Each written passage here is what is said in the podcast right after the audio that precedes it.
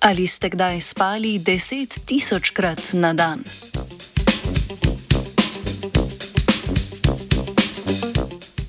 Ali ste že kdaj spali deset tisočkrat v enem dnevu? Tako spijo ogrličasti pingvini. Na otoku kralja Jurija na Antarktiki je mednarodna raziskovalna skupina opazovala spalne navade ogrličastih pingvinov.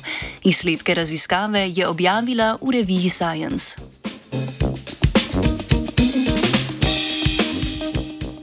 Življenje ogrličastih pingvinov vrste Pigoscelis antarcticus je nenehen boj za preživetje. Med počitkom v koloniji na nje preži ptič rjava govnačka, na lovu pa morski leopard. Le redko si lahko oddahnejo, še posebej med gnezdenjem. Tedaj en pingvinji starš ostane v gnezdu, greje in brani jajca pred plenilci, drugi pa tudi po več dni skupaj lovi hrano. Vodilo raziskovalne skupine je bilo opazovanje, kako okolje, ki zahteva nenehno pozornost živali, vpliva na njihove spalne vzorce.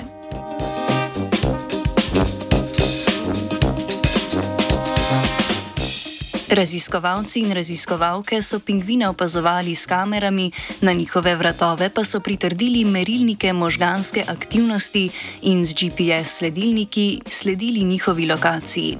Spanje so spremljali z merilniki možganske aktivnosti, pri identifikaciji faze REM pa tudi s kamerami, saj je možganska aktivnost ptičev v fazi REM enaka budnosti.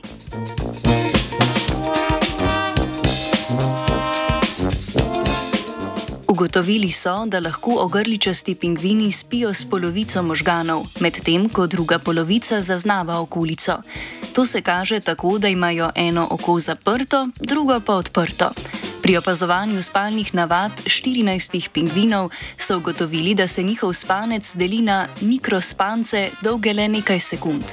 Teh mikrospancev imajo do 10 tisoč na dan, pri čemer skupno spijo okoli 11 ur.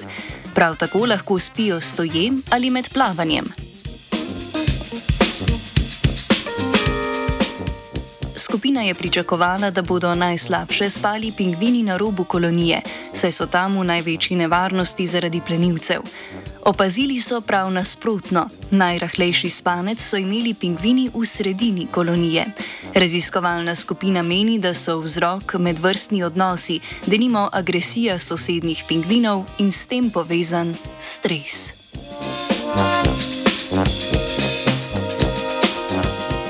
Kot pingvin je spal vajenec Leon.